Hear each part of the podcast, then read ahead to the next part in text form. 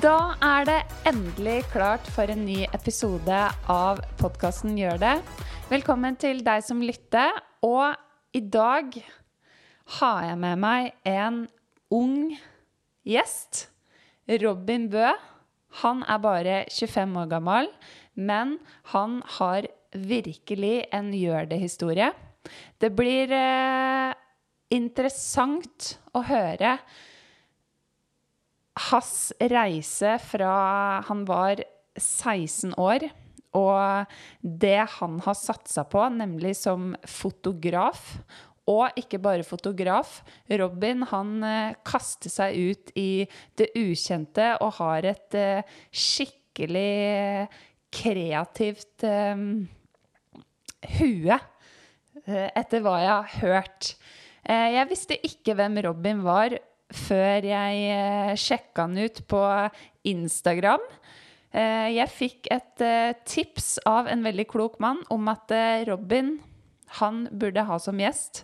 Så det var skikkelig kult når Robin gledelig ville stille opp i podkasten min. Og jeg tror faktisk at uh, det er mange unge som kan uh, la seg inspirere av uh, Robin sin reise så langt. Ikke bare unge, men um, i og med at Robin er ganske ung, så tenker jeg at det er ekstra kult å høre hans gjør det-historie. Så riktig god lytt. Velkommen til podkasten min, Robin. Tusen hjertelig takk. Skikkelig kult å ha deg her som gjest. Veldig hyggelig å være her. Jeg fikk jo eh, tips fra mm, en uh, klok mann om at eh, du burde være med i podkasten min. Du hadde en uh, skikkelig kul gjør det-historie. Mm. Så da måtte jeg jo ta kontakt. Og um, helt ærlig visste ikke hvem du var fra før. Og veit ikke så veldig mye om deg nå heller. Vi har så vidt snakka sammen. Mm. Eh, så mm, jeg gleder meg til å bli litt bedre kjent med deg. I like måte. Så um, første spørsmål jeg lurer på. Mm, når var sist du gjorde noe som betydde noe ekstra for deg? Lite, Oi. stort, Ja, ikke sant. Er det er uh, hva som helst, liksom? hva som helst. Da må jeg gå kortest mulig tilbake, da. Jeg var på Bruce Springsteen-konsert på Voldsløkka på søndag. Ja. Ja, og det, det gjorde noe for meg, syns jeg. Ja. Hva gjorde det med deg? Nei, jeg vet ikke. Altså, jeg har egentlig aldri vært noen Bruce Springsteen-fan. Men jeg har en eh, far som har vært eh, blodfan i alle år. Så jeg har på en måte fått eh, Bruce Springsteen inn, inn i, fra liksom i oppveksten i alle år. Ja. Så det var noe fint med å være der. Jeg var der også med pappa, da. Um, og en kompis. Um, så det var, det var en fin opplevelse å liksom få barndommen i reprise på søndagen. Kult. Så du Mhm. fikk litt sånn ja, barndomsminner? Ja, det vil jeg si. Og så er jeg overraska over hvor mange låter man kan uten å egentlig ha hørt på de. Ja. Uh, men at de har stått på i bakgrunnen i biler på sommerferier og ja, alt mulig. Mm. Er du en fyr som uh, drar mye på konserter og sånn? Um, er jo, det er jo livet mitt, da. så jeg er jo på derfor konser- ja. Så jeg er jo på konserter uh, hver uke, men det er jo som regel eh, i forbindelse med jobb, da. Så det er sjelden man faktisk får dratt på konserter og sett og vært der. Men eh, jeg prøver å være flink til det, for jeg har liksom mine go to-konserter som jeg syns det er gøy å dra på. Og det er også veldig givende å, å være på konsert uten å jobbe, men også litt uh, rart, da. Ja. Ja, for, uh, for de som ikke veit hvem du er, da. Hvem mm. er Robin Bø, og hva driver du med? Det er et godt, uh, godt spørsmål. Ja. Men jeg driver hovedsakelig med, med foto og film, da. Eh, og kanskje mest innen musikkbransjen. Og reiser på turné eller gjør studioshoots. Eh, så det er det det går mest i. Og så gjør man også mye annet video og foto, da. Innen event eller mote, ja, osv. Er det mm, for eh, kjente folk, for mindre kjente folk, blanding? Egentlig alt mulig, altså. Ja. Jeg gjør egentlig det, det meste av fototing. Jeg har ikke noe sånn Jeg vet ikke, jeg er litt sånn Jeg prøver å si ja til mest mulig. Og passer det, så, så er jeg med, på en måte. Ja. Så jeg setter ikke noen grenser der. Nei. Nei. Så hvis du skal beskrive deg sjøl med tre ord, hva, hva sier du da? Ikke sant? Tre, det, er, det er vanskelig å snevre det inn på tre der. Men eh, Eh, jeg, jeg føler at eh, Åh, det er vanskelig. Men jeg er, jeg er nok ganske eh, rotete til tider. Rotete, ja. Ja. Eller vimsete, kanskje. Ok. Uh, er mer riktig. Uh, vimsete, og så er jeg veldig energisk. Uh, og siste, da. Kanskje at jeg er omgjengelig, da. Ja. Ja, jeg vet ikke. Vanskelig, altså.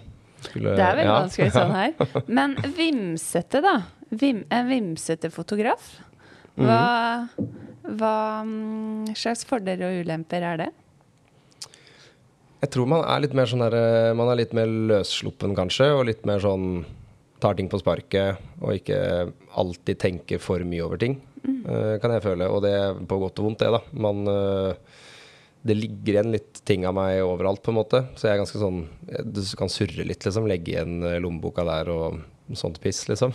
Men eh, men samtidig så er man, som, som sagt, da, man får den der eh, spontaniteten rundt det. At man ikke er så Vet ikke.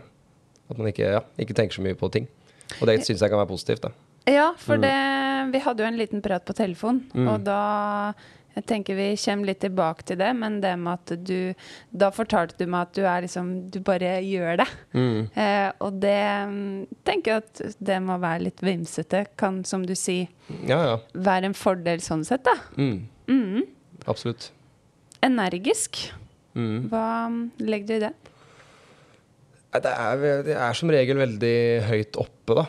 Ehm, og vet ikke, tar liksom alle de fleste utfordringer med, med den attituden. At det, det her blir bra, og det blir gøy, liksom. Og jeg, jeg, jeg er liksom veldig sjeldent uh, daff og nede. Uh, I hvert fall sånn utad. Man kan jo ha dager hvor man er sliten og man bare vil ligge hjemme på sofaen og bare kulen, liksom. Men det er da mest sannsynlig for at man har vært uh, oppe og nikka i en uke i strekk, da. Ja. Så mm, jeg tror det er det. At jeg bare har mye energi, liksom. Og må få det ut et sted. Mm. ja. Ja. Åssen får du ut det i jobben din? Det føler jeg går litt av seg selv, altså. For det er ganske sånn øh, Det er en veldig sosial jobb og veldig sånn øh, Du må være framme i skoa hele tida, og du er blant folk hele tiden. Og det er mye mas, kanskje. Mye liksom Det er høy musikk på festival, det er uh, lydsjekk, og så skal man kjappe seg til middag, og så skal man preppe, og så er det show, og så skal man redigere. Altså ting går veldig slag i slag, da. Så jeg føler at man nesten må være litt energisk og ha litt ekstra ekstra power da, til, å, til å stå i det, kanskje. Ja. Mm. ja. Omgjengelig. Glad i folk. Ja, jeg er, jeg er, føler meg som en veldig sosial person. Uh, jeg elsker å bli kjent med nye mennesker, og også liksom omgås de, de menneskene som jeg har i livet. da.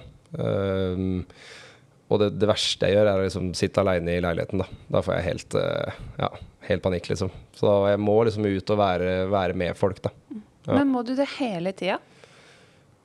Det er ikke så langt fra sannheten, altså. Nei? Det er Jeg har selvfølgelig liksom noen dager som sagt hvor man bare er helt ferdig og bare vil ligge på sofaen og se på Netflix og bestille noe mat hjem og bare ta livet helt med ro. Men uh, det er sjeldent, altså. Ja. Jeg liker å bare komme meg ut og møte, møte og være med folk. Mm.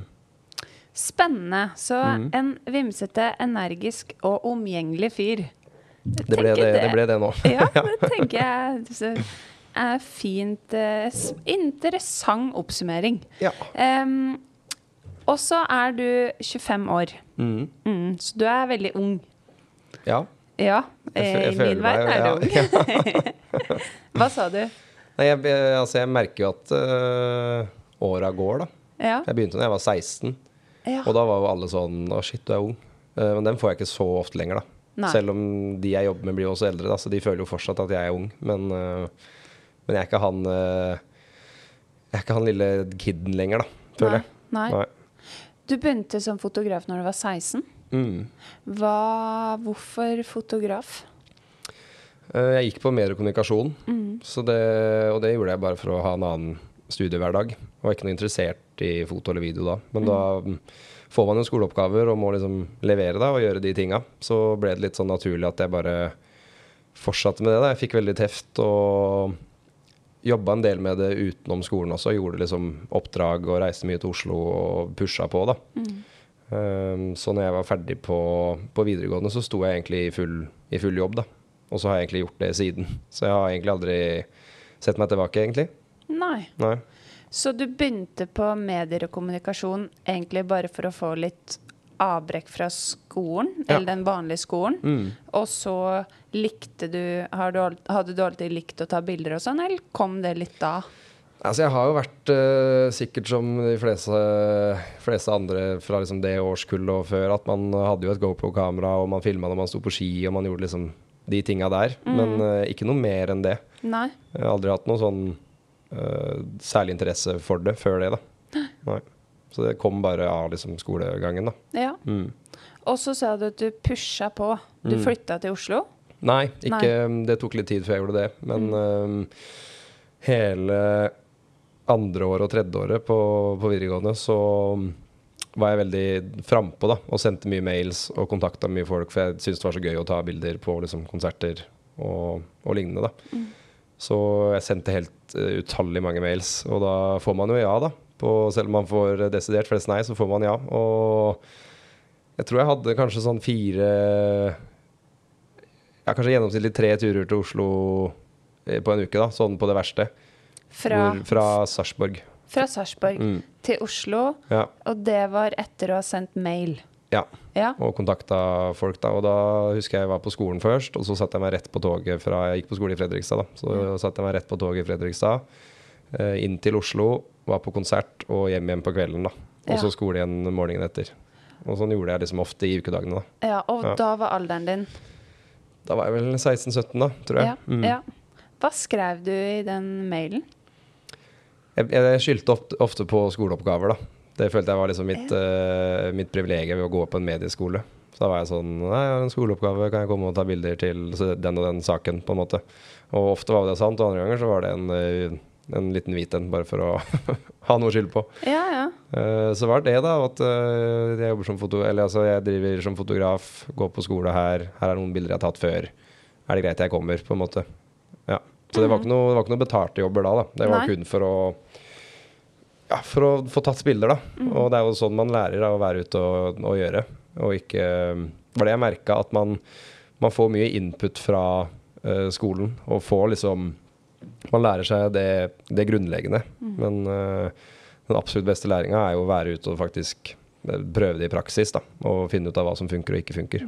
Komme seg ut i feltet. Yes, rett og slett. Ja. Ja. Hva er det som motiverte deg til å um, sende ut disse mailene og dra til Oslo og ja, gjøre den gratisjobben, da? Jeg, jeg følte at uh, når, jeg hadde liksom, når jeg hadde gjort min første konsert, da, som var med Erik og Chris De skulle åpne en sånn idrettshall i Bærum. øh, så kom jeg tilbake på skolen, leverte de bildene, og så var folk så mm, hypa. Liksom. Folk var sånn ah, 'shit, så kult', og så fikk jeg liksom toppscore på, på den skoleoppgava. Og så ble jeg litt sånn fikk så boost av det, og så fikk jeg så boost av å være der, for jeg har alltid vært musikkinteressert. Uh, så jeg, bare, jeg følte meg så hjemme, egentlig. Og så Ja. ble jeg sånn Det her har jeg jo lyst til å Hvis det går an å leve av det her, så har man jo lyst til å gjøre det, på en måte. Så det ble egentlig bare det. Og så er jeg en person som, som går veldig for ting når jeg går for det. Uh, så da, da ofrer jeg liksom uh, veldig mye, da, for å få til det jeg har lyst til. Hva er det du ofrer da? Jeg, jeg merker at det var mye av, av ungdomstida som de andre, altså andre mine venner hadde, da, som festing eller liksom sosiale ting. da, For jeg var jo i Oslo hver helg også, typ. Så når de var på fest, så var jeg på jobb, på en måte. Eh, og, men det var liksom ikke noe jeg følte noe på, for jeg hadde det så fint der jeg var. Eh, så det var mer sånn at, eh, at kanskje vennene var litt sånn Ja, men fader, du er jo der hver helg, liksom, du er med oss litt. Så ble jeg bare litt sånn derre Nei. Sorry, ass, jeg har lyst til å gønne på med det her. Og så, ja. Og det er jo i tilbake Jeg, jeg er jo, det har jeg sagt før i den podkasten, men veldig glad i å dra paralleller fra idretten, da. Eh, og, og, og liksom det du sier der, det er veldig sånn gjenkjennbart. At det, det, du har noe som betyr så mye for deg, at det, du sitter ikke med den uh, følelsen av å ha ofra noe. For at det, det du gjør, er så viktig, da. Mm. Og så, men eh, Og så sier du ja, at du får jo en du får jo motivasjon av at du gjør det bra, du får masse anerkjennelse, som er kjempeviktig. Mm. Men den derre indre driven, liksom Mm. Um, Hva er det som gjør at du blir så glad, glad av å ta de bildene på de konsertene?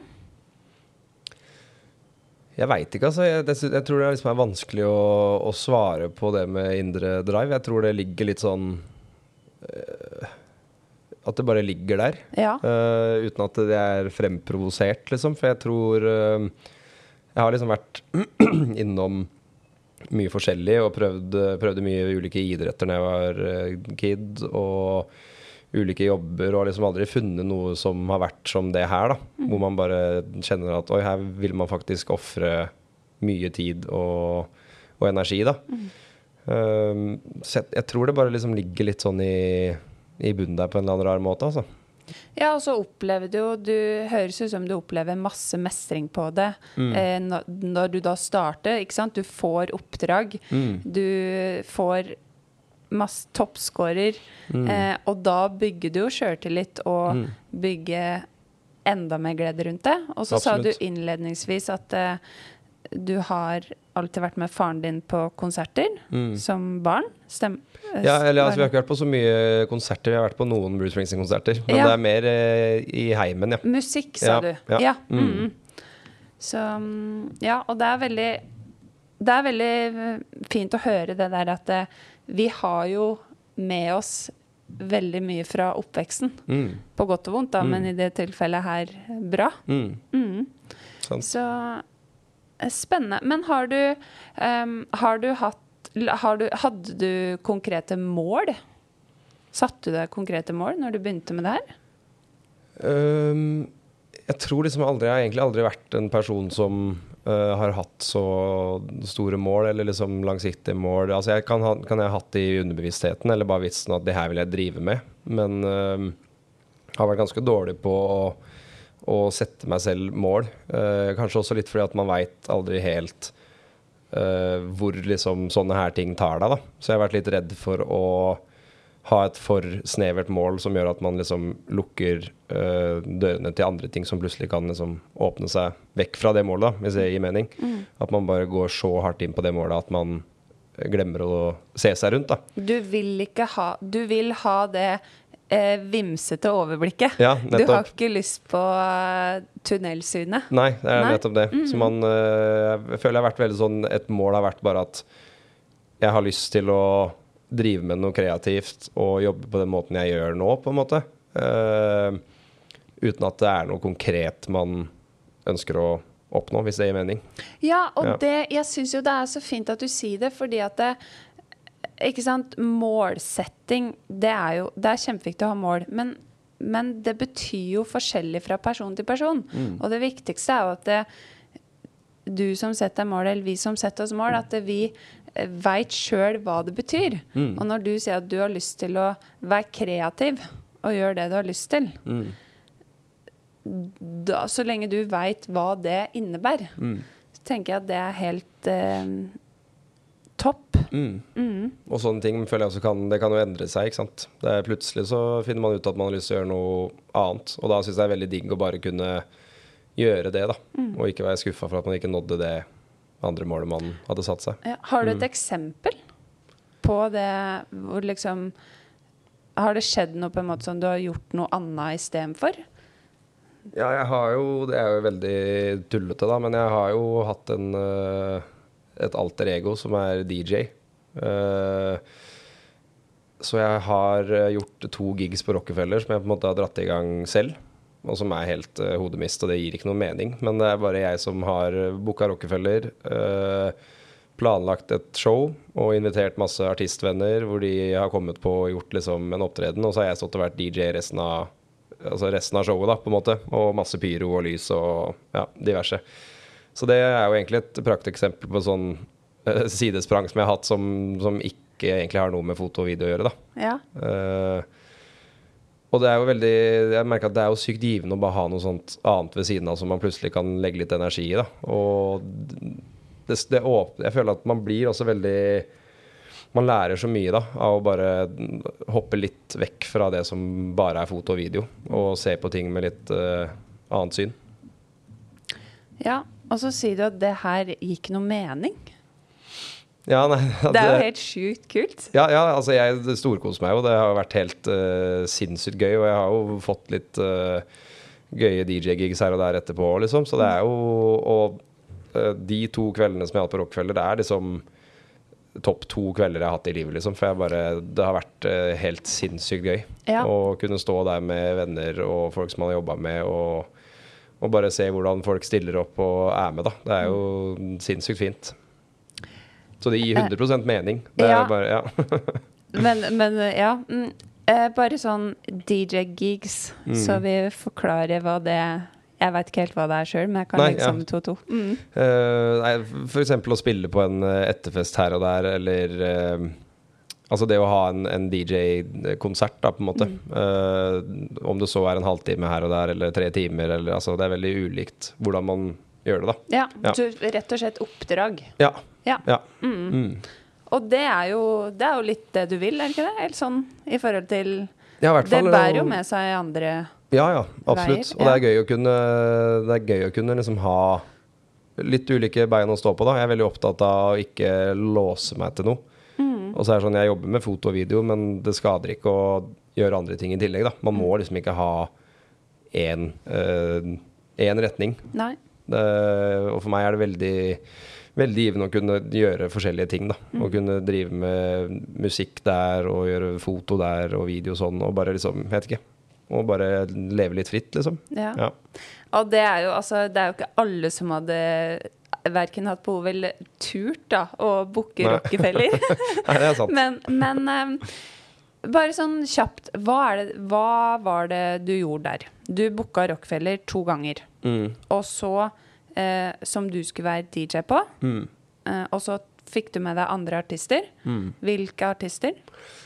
Altså, det begynte jo i, i fjor, det her. Ja. Eh, det var første konserten. Grunnen til at det ble to, var bare for at det i fjor var så forbanna gøy at jeg måtte gjøre det igjen. Så Ja. det var aldri planen om to, men eh, det var i hvert fall første gang i fjor, og da måtte jeg jo bare gjøre For at jeg bestemte meg for ikke å annonsere noen artister. Både for å liksom holde det hemmelig, men også for å gjøre det mye enklere for artistene å opptre. da At Ja. ikke det er noe sånn Det skal ikke selge pga. det, på en måte. Så jeg ble jo nødt til å mm, prøve å få folk til å komme på det showet her uten, at, uten å name-droppe noe, og at det bare var da meg som skulle ha konsert, på en måte, men med at det var overraskelser, da. Um, så det var egentlig det som var eh, konseptet, og selve showet gikk ut på at uh, som sagt at jeg var DJ og showmann, liksom, og så kom det på uh, ulike artister da, som surprise, og hver artist var liksom surprise for publikum, da. uh, og imellom artistene så spilte jeg noen klubblåter igjen, og så kom det en ny artist, og så gikk det sånn gjennom hele showet, da. Så kult. Og hvilke artister var det? I fjor var det Staysman var en tur, og Julie Bergan, Chris Holsten, Alexander Witt, Hedda May, eh, Jonathan Floyd. Eh, så veldig, veldig bredt spekter av ulike artister, da. Så kult. Eh, og så er det liksom alt fra da, ja, Tone Damli til, til ja, klubbmusikk, liksom. Så det er jo en kveld hvor man fikk virkelig liksom få inn alt mulig av musikksmak, da. Ja, Ja. fy søren. Um, og hva er det som Nei, hvor, først, hvor mange var det som kom? Eh, det endte vel på Hva var det? En sånn 600-700 pers, da. Å, fy søren. Så det er jo helt eh, sprøtt. Ja. Eh, så det, det føltes veldig rart ut, da, skal jeg være helt ærlig. Å plutselig liksom gå på den scenen der og aldri har vært på en scene før, og så står det 650 pers eller hva det var, som har forventning, da. Og bare hva er det her for noe? Og ingen visste jo hva det var. Så det var kanskje det som var digg med i fjor, da. At det var nytt. Det følte man litt mer på i år, at man kanskje måtte liksom overgå. Men eh, jeg koste meg enda mer i år, da. Så et eller annet eh, riktig var det nok. ja. Hvorfor gjorde du det, tror du? Jeg tror jeg var litt mer eh, trygg på det, bare. At man hadde gjort det en gang før, og så var det litt mer sånn Hva er det verste som kan skje, liksom? Det er bare å stå i det, og folk skal kose seg, og da må jeg kose meg òg, liksom. Ja. Ja. Altså, jeg blir veldig Jeg tror, sjøl om jeg har, det jeg har gjort, er veldig mye mindre enn det her, da, men jeg tror jeg kan kjenner meg litt i følelsen av den derre mm, Du blir litt trigga, på en måte. Mm. Eh, for jeg booka to steder, ett i Oslo og ett i Lillehammer. Og em, for å liksom kickstarte min foredragsvirksomhet, da. Mm. Og, og prøvde liksom å selge så mange billetter som mulig. Det Mm. var på, for meg så ble det totalt 95, da. Men, men det er noe med det derre Den derre motivasjonen får av å, av å gjøre noe som en er egentlig litt usikker på, men samtidig så er det jo en sånn der indre greie der. Og bare, ja, men det her det her er jeg litt god på. Ja, ja. Ja, Ja. Har du, Hadde du sånn? At uh, Trua på at du kan det, på en måte? Ja, altså jeg, jeg veit jo at jeg, jeg kan jo liksom eh, musikk, og eh, Og jeg sto i en liksom en veldig fin posisjon hvor jeg kjenner mye folk, da, og folk er eh, eh, så sjukt eh, snille og bra som liksom stiller opp og hjelper til og er med og pusher, og det bare Ja, jeg veit ikke. Det, det føltes liksom veldig riktig ut, da. Mm. Kult. Og hva er det som gjør at du tør? Det aner jeg ikke. Det, det tror jeg bare det går en liten faen i meg, tror jeg, som bare Nå må du bare kjøre på, liksom. Ja. Ja. Uh, så jeg har jo et sånn derre som, jeg er som sagt veldig energisk, da, og har liksom det behovet for å bare gjøre noe og kjøre på litt. Så jeg tror det er det som bare pusher meg ut av komfortsona. Mm. Og så sa du en setning i stad som jeg eh, har en slide på i foredraget mitt, som Ja, jeg. Er veldig glad i, og det var det verste som kan skje. Ja, sant. Ikke sant? Ja. Vi, eh, jeg pleier å si vi bor i Norge. Um, mange av oss har en del bein å stå på. Noen bein, i hvert fall. Mm. Og jeg pleier å si så lenge ingen dør Mm. av det vi driver med, Mm. så er det kult å ta litt sjanser. ja, absolutt. Mm. Det er der man eh, Det er der man lærer, og der man blir god, altså. Mm. Helt enig. Så OK, så du har blitt 25 år. Du starta med foto når du var 16. Mm. Da var det bare å sende mail og få gratisoppdrag. Mm. Gikk på skole, ofra Jeg liker ikke ordet ofre, men du valgte. Ja. Og du valgte bort noe, og så valgte du å prioritere det som var viktig for deg. Mm. Um, og så har du gjort eh, store og mindre oppdrag etter det. Mm. Mm, I de årene her Mm. så uh, blir du mer erfaren, du lærer hele tida, du møter folk, du får brukt egenskapene dine. Har du opplevd noe motgang? Um, ja, man har jo alltid, alltid sted, og liksom eh, både mindre og større. Men jeg, jeg husker jo liksom når korona kom første gangen der. Jeg er jo, jeg er jo midt i en bransje som ble helt uh, sinnssykt ramma, da. Med tanke på at vi lever av å samle folk, liksom. Eh, så jeg husker jo den uka og to-tre uker etter at det ble offisielt, hvor mye jobber som forsvant. da. Det var jo et helt år som bare ble borte. Jeg fikk så mye mailer eh, av kanselleringer og utsettelser og diverse. Og da, da ble jeg litt sånn Jeg tenkte jo hva, hva gjør jeg nå?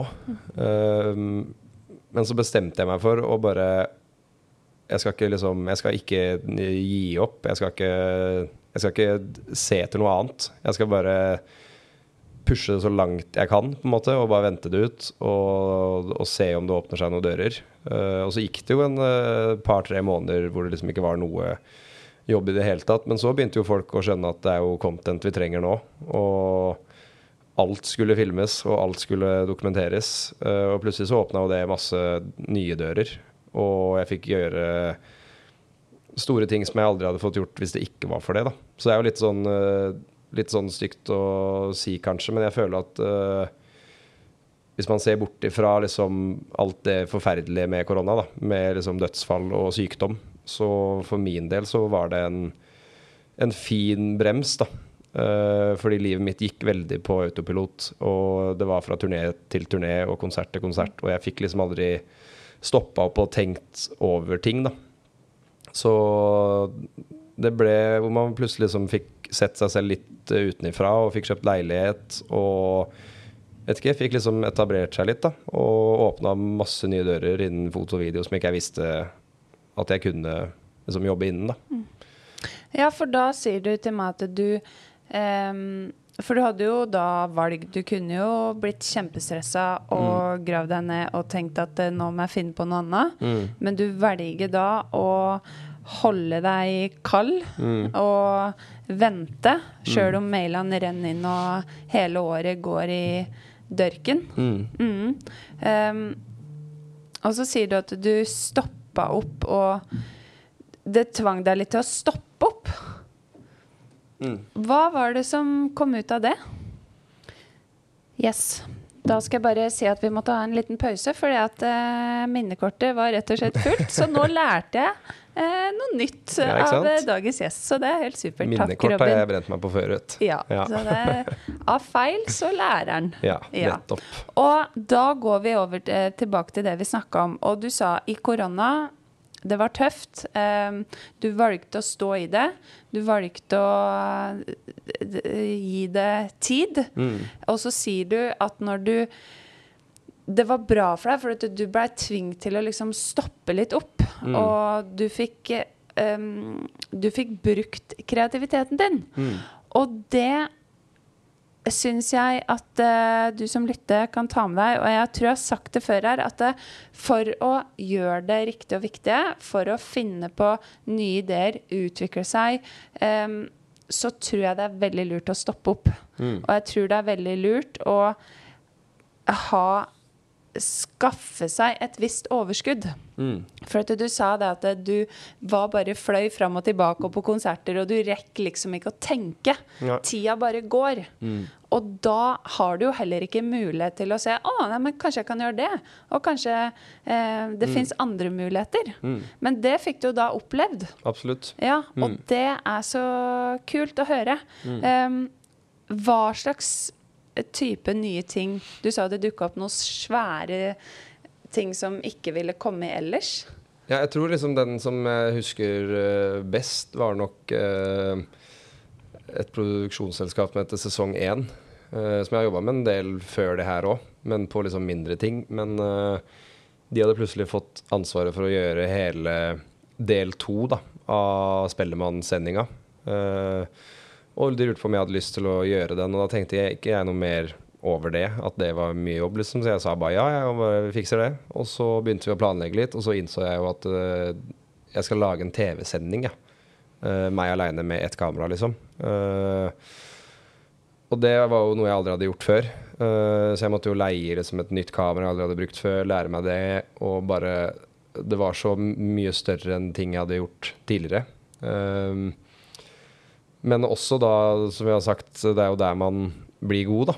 Og lærer ting. Og når ting ikke går helt som det skal, eller når man er liksom usikker og utenfor komfortsona, det er jo da man må gutse litt.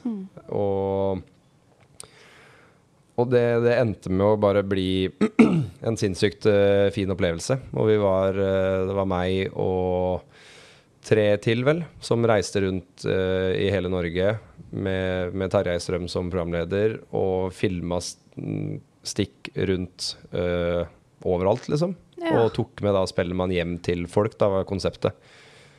Og det endte jo med å bli en, en kjempefin sending som fikk masse, masse skryt og gode tilbakemeldinger. Og det er jo noe man på en måte ikke hadde fått gjort om det ikke hadde vært for, eh, for korona eller den pausen, da. Hvor, man, eh, hvor det hadde gått sin gang som alltid, med NRK på TV og Ikke sant. Så det åpna jo sånne type dører, da.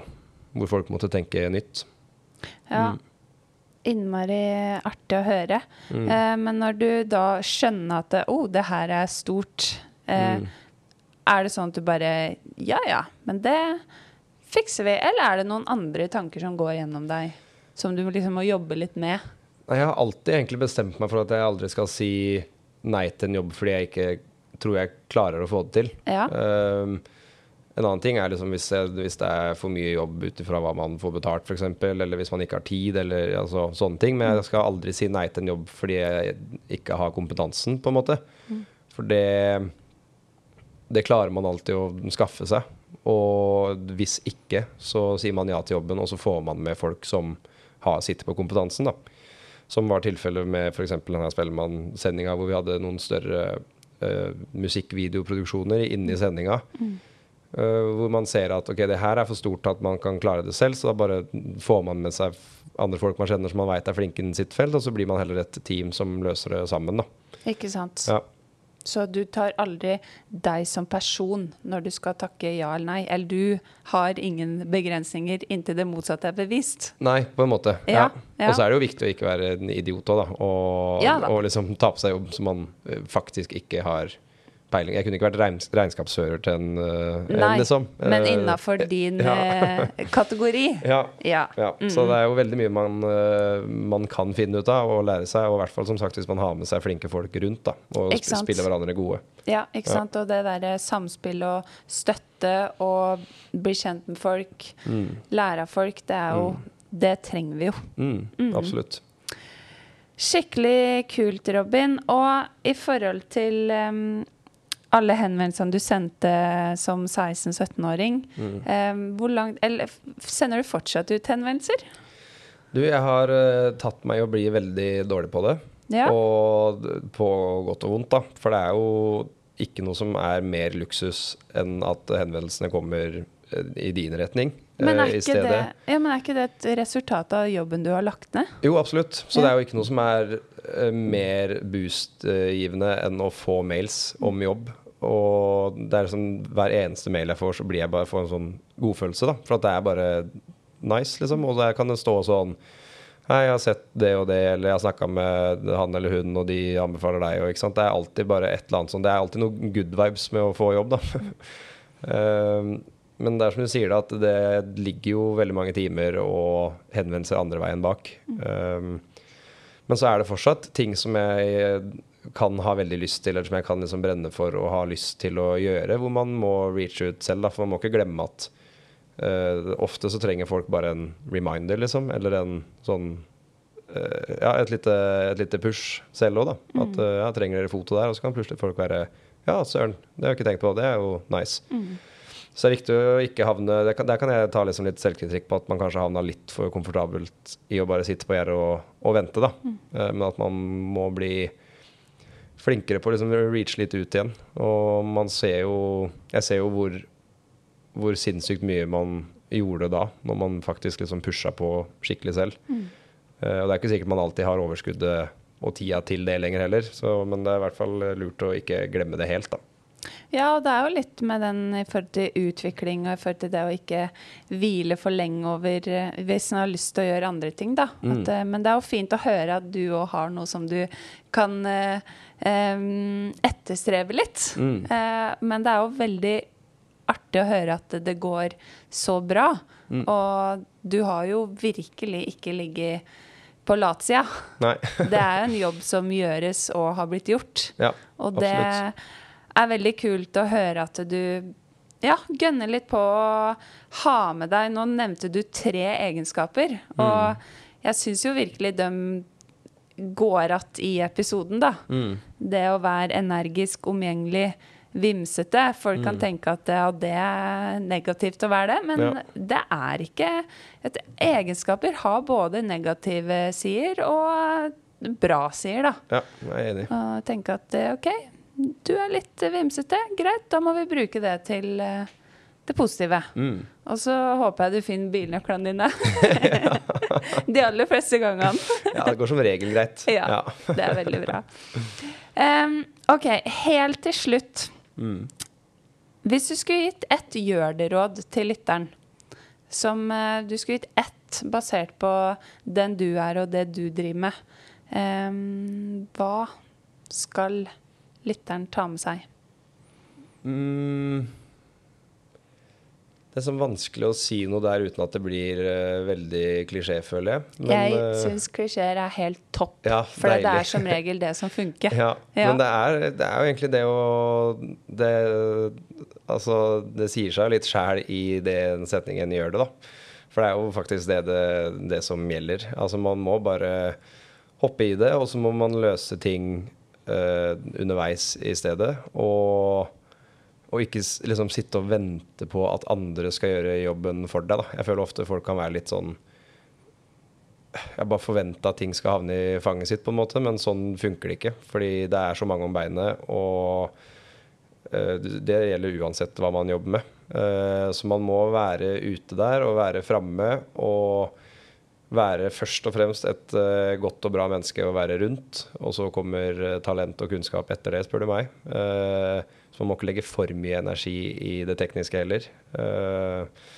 Men å bare ja, stå i det, pushe på og ta et nei for et nei, men ikke liksom ikke grave seg ned pga. det, men heller tenke på det at fader, ass.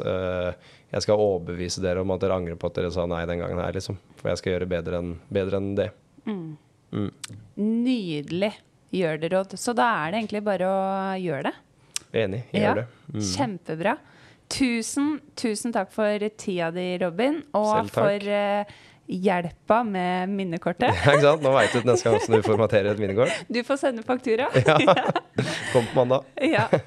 OK, og tusen takk eh, for at du hørte på podkasten min. Ha det!